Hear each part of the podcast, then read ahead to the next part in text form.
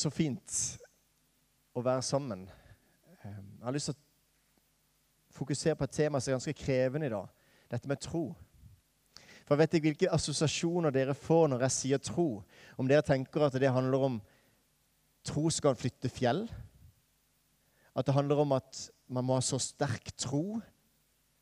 Og så føler man kanskje at man ikke har så sterk tro.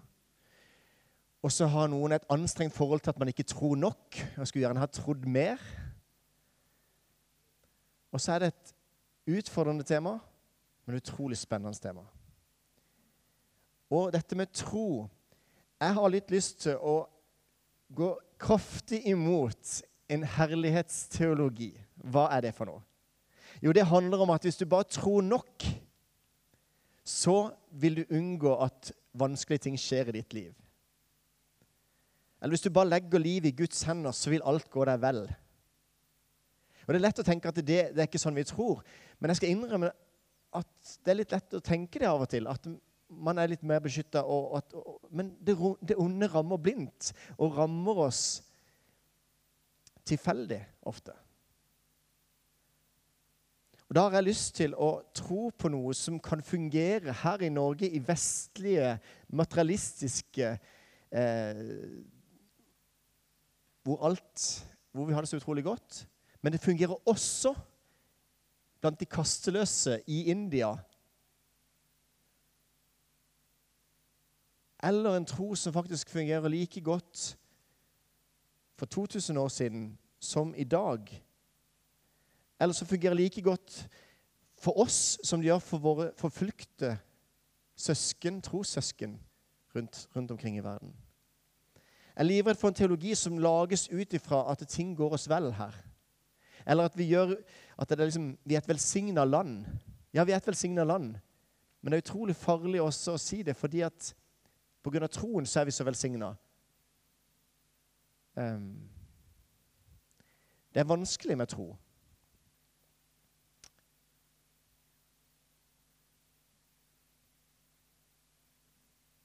En tro er for meg en reise. Troen, det, det er et liv som leves. Og vi er alle underveis. Det har vært litt fokus på det i det siste nå med personlig kristen. eller det ene og det andre. At vi på en måte, ja, er personlig kristen. At det blir veldig feil å si på mange måter. Og det er jeg enig i. Samtidig så trenger vi av og til å si at det, dette er viktig for meg. eller dette. Men en tro Det er jo ikke vi som skal bære tro, det er troa som skal bære oss. Og Av og til så er jeg veldig glad for at jeg på en måte er i en luthersk sammenheng som, som, hvor det er veldig fokus på det. At vi blir båret til dåpen. Og det kommer ikke an på våre egne gjerninger. Det handler ikke om hvor sterk tro vi har, men det handler om at han vi retter troa mot, han er sterk. Ikke min sterke eller svake tro, men den troa den retter mot, han er sterk. På alfakurset så setter vi fokus på det. At det, Der snakker vi ikke om 'tror du' eller 'tror du ikke'? Men da snakker vi mer om at nå er vi sammen her, enten vi tror masse, eller vi ikke tror i det hele tatt, eller vi tviler og alt. Vi er sammen, og så følger vi Jesus. Og så kan vi bli utfordra fra det ståstedet vi sjøl står. Og så kan vi ta noen skritt, og vi respekterer hverandre og lytter til hverandre og lærer av hverandre. Og så er det en utrolig fin måte å gå sammen og vandre sammen. Og så er det troen i fellesskapet som kan være med og bære oss. Av og til, hvis jeg tviler på min erfaring, så er det fint å vite at det, det, henger sammen. Det er fornuftig, det jeg tror på. Av og til så tviler jeg på at det er fornuftig. Da kan jeg hvile på erfaringene. Men noen ganger så kan jeg tvile på alt. og Da er det utrolig fint å kunne ha fellesskapet som en kan tro for meg. Eller at jeg kan tro med magen og spise nåden og ta imot nattverden. Tro skal bære oss. Det er ikke vi som skal bære og fokusere på å få en sterk tro.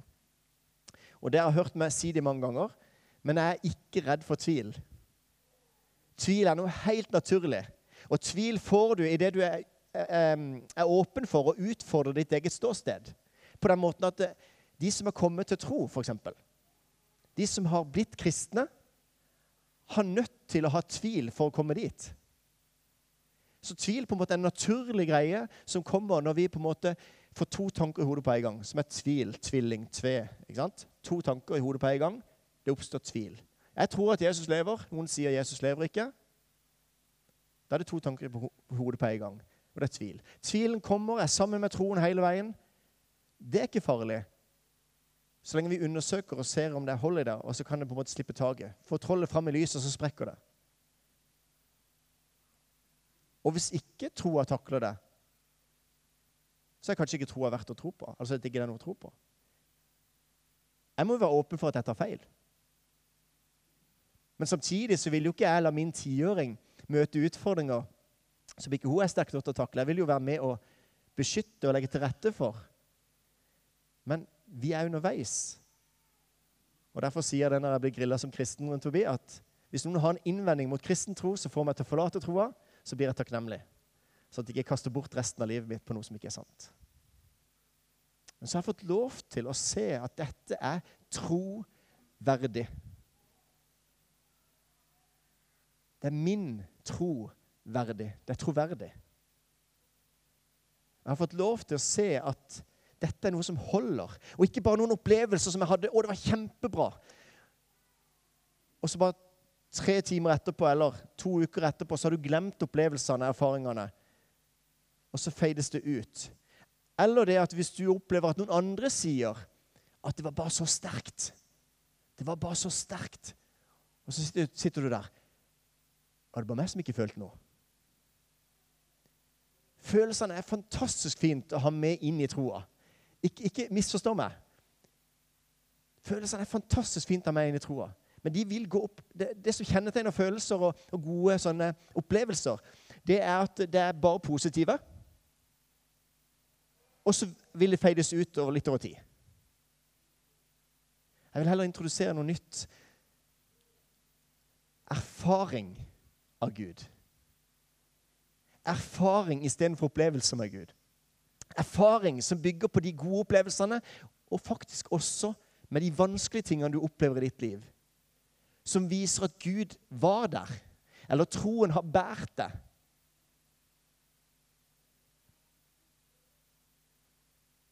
Vi kan vite at Gud elsker oss. Tanken og hodet. Følelsene. Vi kan erfare det. Fantastisk lovsang. Vi kan på en måte få en opplevelse at her var det godt å være. Viktige ting, alle sammen. Men så trenger vi en tro som bærer oss i livet, og som er kompatibel med de vanskelige tingene vi har på jobb. Med livet generelt, som er kjempekrevende til tider. Og Da vil vi ikke snakke i kirka om en tro som skal være sånn Ja, bare legg vekk livet når du kommer her, så kan du få lov til å fokusere på Gud. Nei, ta med deg livet inn og vær her med hele det. Med hele kroppen din, følelseslivet ditt. Alt. For Gud skapte det sånn. Vi må ikke skille med det åndelige og det menneskelige. Sånn dualistisk tankegang med at vi skiller det, det er ikke bibelsk. Gud skapte oss mennesker med jord under neglene. Det er noe med at vi skal få lov til å kjenne på at vi er mennesker med hele oss, og hele oss kan tro. Så noen ganger så syns jeg det er fantastisk å tro. Geir, som dere så her framme, eh, som snakka om dette med, med dekkoperasjonen. Han er også med i Frimat. Han er med og deler ut mat. Av og til syns jeg det er fantastisk. Ja, Helge òg her er med på det. Vi er med og deler ut mat.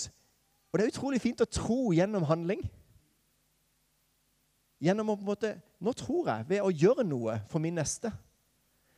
Og Noen av dere er mer praktiske. Andre av oss kan synes at det er fint å, å lese og få tro ved at Gud blir stor når vi leser i Bibelen eller andre ting.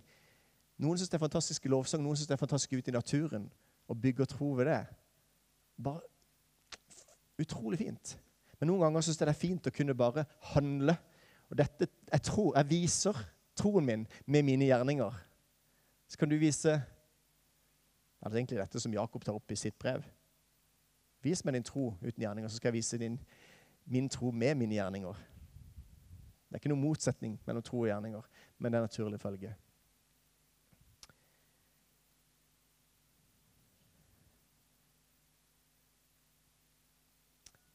Det som er fantastisk med vår kristne tro, at en kan få lov til å hvile i det som Jesus har gjort. Jeg skal ikke streve, men jeg skal få lov til å hvile i det Jesus har gjort. Og så står det litt i 1. Johannes brev, kapittel 5, så står det noe om at den som har Sønnen, har livet. Den som ikke har Sønnen, har ikke livet. Dette har jeg skrevet til dere for at dere skal vite at dere er evig liv, dere som tror på Guds sønns navn. Så hvis jeg på en måte ønsker å være en kristen, ikke fordi jeg ikke klarer å få det til, men hvis jeg ønsker å være en kristen fordi jeg ser at jeg ikke kan klare å leve livet sjøl, men trenger Guds hjelp, så kan jeg vite at jeg har evig liv. Jeg trenger ikke være usikker på det. Jeg vet at jeg er gift med Randi. Jeg trenger ikke være usikker på det. Jeg har en vigselsattest som kan bevise det. Jeg har erfaringer. Jeg trenger ikke være usikker på det. Jeg kan vite at jeg er en kristen så lenge jeg er på en måte, For det handler ikke om min tro. Det handler om at tro er retta mot en som er sterk. Og Det er utrolig godt å kunne vite det. Dette har jeg skrevet til dere, sier Johannes, for at dere skal vite at dere er liv, dere som tror på Guds sønns navn. Og så handler det om I Johannes brev, nei, eh, evangeliet så står det også om at Johannes oppsummerer hvorfor han har skrevet alle disse fortellingene om Jesus. Historien om Jesus. Han forteller det at Jesus gjorde også mange andre tegn for øynene på disiplene. Tegn som det ikke er skrevet om i denne bok.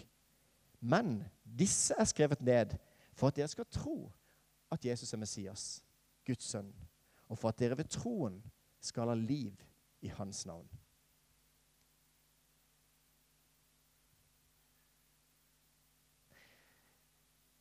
Dere hørte um, møteleder, eller gudstjenesteleder Christian Nilsen som leste Hebreabrevet kapittel 11, som har fokus på tro. Et ganske langt kapittel. Men var ikke det litt fint å kunne lese Bibelen sammen, da? Når vi syns det er vanskelig å lese Bibelen i hverdagen, så, så, leser vi Bibelen sammen da, på gudstjeneste. Og så er det langt. Men vi har lyst til at det skal være langt for å lese ting i sammenheng, ikke bare ta et vers ut her og der. Og så leser vi Guds ord, for det, det forandrer. Så kommer da troen av forkynnelsen som vi hører. Og forkynnelsen som vi hører, kommer fra Kristi ord. Så egentlig så er det sånn at hvis du hører Guds ord forkynt, så kan du av og til merke at det skaper tro. Eller hvis du har vært vekke fra Guds ord lenge, så kommer tvilen kanskje enda sterkere. Hebreerbrevet, kapittel 11. Altså Hebreerbrevet Vi vet faktisk ikke hvem som er forfatteren. Det er antagelser. Kanskje det var Paulus, kanskje det var Barnabas. Ingen som vet. Men det vi vet, at det er førstehåndskjennskap til apostlene og deres lære. Og at det er skrevet til jødisk kristne, for det er ganske krevende brev. Du skal kjenne til, ganske godt til gammeltestamentlig historie for å kunne forstå hebreerbrevet. Men hvis du på en måte kjenner den jødiske settinga, så er det utrolig bra. Men det er veldig krevende å undervise ut ifra det. For vi må jo først forstå hva som mentes på den tida, og så hvordan det var i Gamle for å kunne forstå hva Gud sier til oss. Og det er jo utfordringa når Gud kryper inn i historien. Så må vi også kunne forstå hva som skjedde på den tida der. Men derfor så hadde jeg lyst til å fokusere spesielt på kapittel 11. Og siden vi leste hele det, så har jeg bare lyst til å trekke fram et par vers nå. Og Da kan jeg se det står det i Hebrevbrevet 11,1 at troen er et pant på det vi håper. Et bevis for det vi ikke ser. Vi kan bare ha den en gang til tilbake igjen på 11.1. Et pant. Det står også et annet sted at det, Den hellige ånd er pantet på vår arv. Vi må altså Panteautomaten. Du har et pantemerke som betyr at du, du har noe i vente. Eh, og da syns jeg det er utrolig fint at troen er et pant på det vi håper, et bevis for det vi ikke ser. Og Så står det i vers 3.: I tro forstår vi at verden er skapt ved Guds ord, og at det vi ser, har sitt opphav i det usynlige. I tro forstår vi det. Men det handler ikke om at det er en blind tro allikevel. At du må bare velge å tro det, og så vil du se hvordan ting henger sammen. Nei, det er ikke noe blind tro. Det er en overveiende gode grunner til at det er fornuftig å tro på. På samme måte som det er ikke noe blind tro å gå om bord i et fly. Selv om du ikke vet, vet helt sikkert om du kommer trygt ned igjen. Det er ikke noe blind tro. Men det er tro. Og Derfor er det ikke noe blind tro å tro på det vi tror på.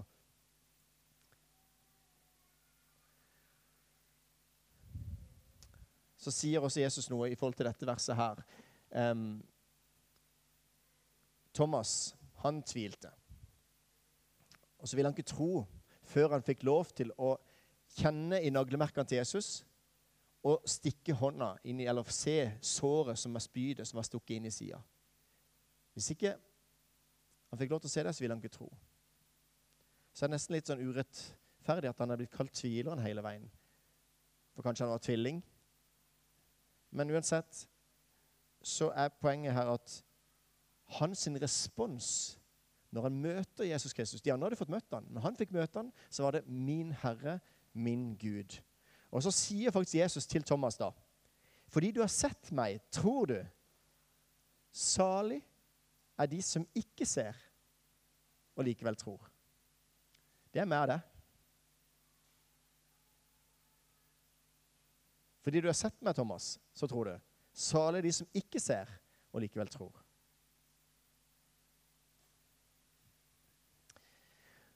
Og så har vi i vers 2 så står det det at for sin tro fikk de gamle godt vitnesbyrd. De gamle fikk godt vitnesbyrd. Abel, Henok, Noah, Abraham, Sara, Isak, Jakob, Josef, Moses, Rahab. Og så står det historiene til hver enkelt av disse lista opp hvordan de gikk i tro. Fantastisk. Så skal vi lære av det. Og Så trekker Hebrebrevforfatteren ut noen ting som vi kan lære av hver enkelt av dem. Og så sier han i vers 32 Og hva skal jeg ellers nevne? Tiden strekker ikke til hvis jeg skulle fortelle om Gideon, Barak, Samson, Jefta, David, Samuel og profetene. Dette er jo historiene i Det gamle testamentet, som er skrevet til oppbyggelse for oss i troa.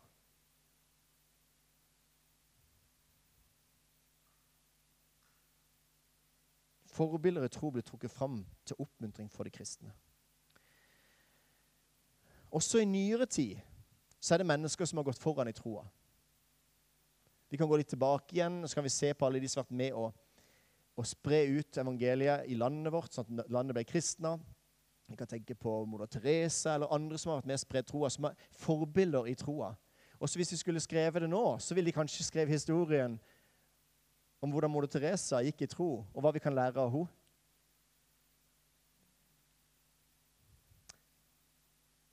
Forrige søndag så var det mannskveld. Da hadde de besøk av en som heter Pål Christian Helmersen. Jeg hadde unnt alle å være der. Det var sterkt. Han snakker om en tro som tåler alt. Og da mener jeg at han virkelig hadde blitt prøvd i alt. Det går an å søke opp navnet sitt og så se vitnesbyrd. bl.a. da han var på Damer i byen. Så går det an å søke det på YouTube eller et eller annet hvis du har lyst. Men det er et utrolig sterkt vitnesbyrd om en tro som bærer gjennom et liv som var beintøft. En far som ikke var til stede, en far som slo, en far som reiste ut av hjemmet. Det var overgrep. Brutalt. En, barn som trenger å få bekreftelse fra noen når han ikke har fått det hos far. Og så er det noen som misbruker denne barnlige tilliten. Narkotika Ville ting som gjorde at han kom helt på styr. Så opplever han å komme hjem til Jesus. Og opplever at ja, men da må jo alt ordne seg. Nei.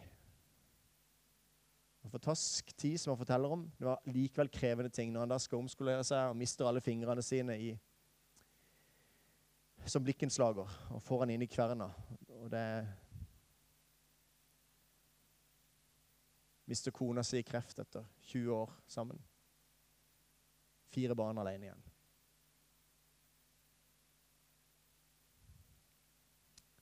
Men det han forteller, er at han sang denne sangen som vi var med og sang, og som lovsangsteamet leder oss i. Takk, takk, Jesus. Den sangen, den sang han når alle barna lå oppi senga sammen med deres avdøde mor og tok avskjed. Så synger han 'Takk, takk, Jesus'. Jeg blir så ydmyk. Og det er så utrolig sterkt å se hvordan noen kan gjøre det. Og Det, er ikke noen, det skal ikke være menneskelig å kunne gjøre noe sånt. Men det som er ufattelig spesielt, det er at troa har båret mange mennesker som har opplevd ufattelige ting. Ufattelig vonde ting. Og så er det også gjort at mennesker vil gå vekk fra Gud. Men hvis man ser det ofte tilbake igjen, så kan man se også at tro har vært med og båret i den vanskelige tida. Og bare det å vite at det er 40 000-60 000 mennesker som blir drept for sin tro hvert år, så er jeg glad at ikke Gud griper inn i hvert tilfelle. bare For at livet er brutalt. Men troa bærer, og troa går videre. Den som tror på meg, skal leve om han enn dør, sier Jesus. Nå til søndag så skal Siri Brygge og Tor Jørgen Aabel dele vitnesbyrdet sitt på kveldsgudstjeneste. De er i menigheten her og er veldig aktive på Grosås. Kom og hør dem. Vitnesbyrdet de sitt. To uker etterpå det så kommer en som heter Oddvin Larsen, som er pastor i Søgne misjonskirke. Og så skal vi ha sofaprat på en kveldsgudstjeneste. Vi har lyst til å få fram vitnesbyrdene om hva Gud gjør med mennesker i dag. Og det skal jeg fortelle at det har heller ikke vært et lett liv, men en tro som tåler alt. På onsdag så var jeg i begravelse til et forbilde for meg. Truls Berntsen, som har vært leder for fellesmøtene i mange år, ble begravd fra Kristiansand frikirke på onsdag. Og um, Det var egentlig utrolig fint å høre om hans liv før han ble kristen. For han hadde vært ganske, han levd ganske sånn, Det var ganske høy festekultur. Og, og gøy å høre den sida også. For når han da gikk all in for det motsatte, så har det gjort utrolig mye med mange mennesker rundt omkring. Satt fokus på familiearbeidet. Vært kjempeopptatt av barn, at de er like viktige å lytte til. At ikke det er vi er noe mer åndelige barna. At han har vært med i fellesmøtene som leder i tolv år og stått opp for Jesus i familie og i samfunnet. Et forbilde. Nå skal dere få lov til å se en video som ble spilt i starten av den begravelsen. Og som gjorde at jeg bare kjente at Gud, la dette være meg som får lov til å få oppleve det samme. Men tenk deg, du kommer inn i en begravelse, og så tenker du at nå skal du være trist. Og det du møtes med, er denne historien her. Eller denne sangen her.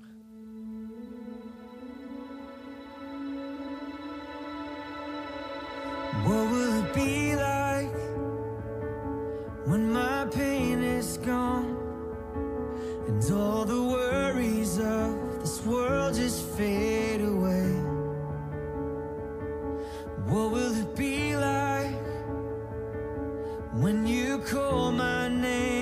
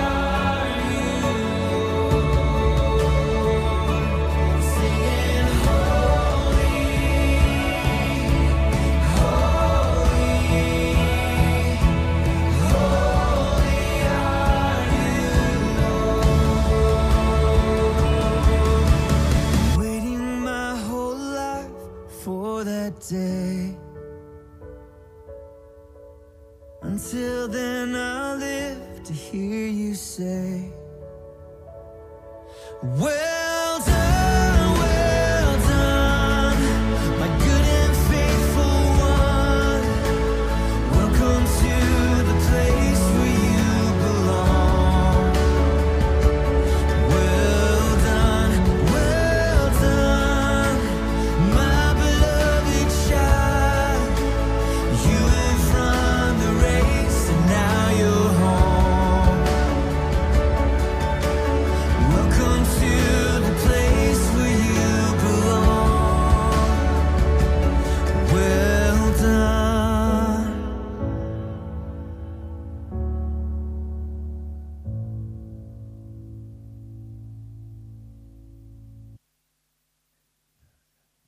Utrolig sterkt å møte døden med en sånn sang. Jeg bare kjente for min del at jeg har lyst til å leve sånn at en dag skal jeg få høre 'Well done'. Du trofaste tjener. Ikke fordi at jeg har prestert så mye, men fordi at jeg har et perspektiv som er mye større enn meg sjøl. Jeg har lyst til å leve for Han. Han er Herre. Så sitter vi i forkant av begravelsen, og så så treffer jeg på denne karen her. Ant Sigurd Abrahamsen, som, er helt fram. Du, ja, du kan, jeg kan holde det. jeg er så tung, den her. Dette er et annet forbilde i tro. Denne karen her er, er 90 år. Har du tenkt reflektert noe mer over det? Hæ? 90 år. Og snart, altså, han har gått sammen med Jesus siden han var 13-14 år og bekjente Jesu navnet da, og sa at han ønsker å følge Jesus. Vært i bibelklasse, som egentlig er søndagsskolen før gudstjenesten, i 25 år. Vært i Eldsterådet i Kristiansand frikirke. Var med på plantinga av Sogndalen frikirke. Vært med og planta menighet i Hviterussland. Og så bare liksom Nå er du 90 år, og så bare bobler du over av hva du har lyst til å gjøre for Jesus nå også. Hvor, You are never too old to have a new goal or have a new dream. Du er aldri for gammel. Jeg skal oversette. Nei, Det er Louis som har sagt det. det er Louis som har sagt det. Men, men hvordan har du gått i tro i ditt liv? Ja, for det første så vokste jeg opp i et eh, hjem hvor eh, Jesus var i sentrum. Og um, noen av dere har kanskje lest om Bjørn Eidsvåg, det sto i Vårt Land i går, hvordan han hadde levd i eh, eh, Opplevd eh, livet i eh, Sauda, i dette eh, bedehuset som faktisk ødela etter hvert ødela livet hans. Men for meg var det nok også sånn i begynnelsen eh, at det var veldig strengt. Du måtte holde deg til menigheten. Det var ikke snakk om å gå i Salem eller Philadelphia. Du måtte være i frikirken. det er jo ganske vanvittig å tenke på i dag. Men øh, Kanskje jeg var nokså snill, jeg vet ikke. Men øh, jeg har øh, iallfall fått øh, tak i det vesentlige. Og da jeg var 13 år, jeg var på en leir i Treungen.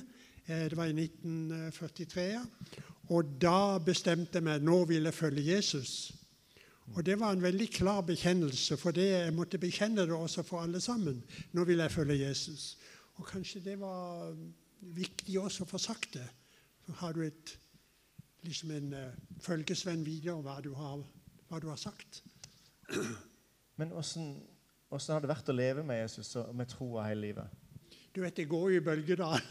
Det gjør det hele tida. Men jeg har aldri tvilt på at Jesus lever. Aldri. Du, du fortalte at du egentlig hadde fått se noe, få se inn. Har du rett og slett fått sett Jesus? Kan ikke du kort fortelle noe om det? Ja, jeg skal ikke fortelle hele historien, for det begynte ganske tøft med, med den onde da, som, eh, som kom på besøk. Men det er fantastisk å kunne jage den onde vekk i Jesu navn og se hvilke krefter det er i Jesu navnet. For det du opplevde da, var egentlig det at du tenkte at eh, nå begynte du Du tror bare du har gjort disse tingene for deg sjøl. Du tror du er noe. Det var det ja. den onde prøvde å ta deg på. Og så bare sa du Vekk. vekk. Gå Ja. vekk i Jesu navn. Ja. Men eh, da jeg hadde fått fred for det, da, så kom Jesus. Og jeg har av og til sagt til Jesus, la meg få se så mye av din herlighet som jeg tåler å se. Og da kom Jesus, og han sa til å begynne med, du er mitt barn. Men det som var så sterkt, han viste meg en diamant. Han kom til meg som en diamant. Og dere som har diamanter, det går ut ifra dere mannfolk har gitt deres uh, kjære diamantringer. Eh, men eh, en diamant, den var så stor som en, nesten som en liten en fotball, la oss si håndball iallfall. Utrolig stor. Og den var slipt på en sånn måte at det var det samme hvordan du snudde og vende, vendte på denne diamanten, så skinte han. Og det var Jesus som sa, 'Her er jeg. Du tåler ikke å se mer.' Men det var så sterkt for meg. Dette var på natta. Og da måtte jeg ligge resten av natta bare å takke og love og prise Herren for den han er. For det var så mange sider ved Jesus som jeg måtte se inn i og takke for. Og Det forteller meg at Jesus, han, da han gikk iblant sine disipler ellers her, så gikk det an å ta på han, gikk an å snakke med han, men nå er han herliggjort. Og det er bare litt bitte grann av Jesu herlighet som vi tåler å se. For vi må først dø med det gamle livet for at vi skal leve det nye livet sammen med Jesus. Og jeg tenker på Truls, som vi tok farvel med. Det var faktisk på torsdag, det var ikke onsdag. Det er godt du korrigerer meg. Og da tenker jeg på for et herlig liv sammen med Jesus. Så hvis noen sier til meg jeg tror ikke at dette er sant, så kan jeg bare si jeg vet det, for jeg har sett Jesus så sterkt som det går an å se. Og det må jeg bare takke for. Men det er jo ikke det vi lever på resten av livet. Vi skal få lov til å leve, gå videre og være tro imot det kallet Gud har gitt oss til enhver tid, og takke for livet. Så jeg har så mye å takke for. De åtte år som har uh, hatt en god helse. Det er jo, det er jo nesten eh, ikke til å tro, da. Jeg har faktisk aldri vært syk. Og det, det er jo ikke mange som kan si det, da. Så jeg har mye å takke for. Derfor må jeg egentlig være veldig forsiktig med å si, ikke si at 'her kommer jeg', men jeg sier 'takk, Gud, for at du er nådig også mot meg'. Var det ikke fantastisk? Og han Hans Sigurd er i Kristiansand frikirke eh, har sagt at når man kommer på besøk her og, og eh, ser hvordan vi har det på østsida, og det å kjenne den velsignelsen fra byen som er med og bærer osv., det er fantastisk. Og, og du, du er ikke ferdig med livet, du, så du skal faktisk ut. Du er jo i tjeneste fremdeles, du. Du er ute og vitner og forteller om Han som er stor for deg. Tusen, tusen takk.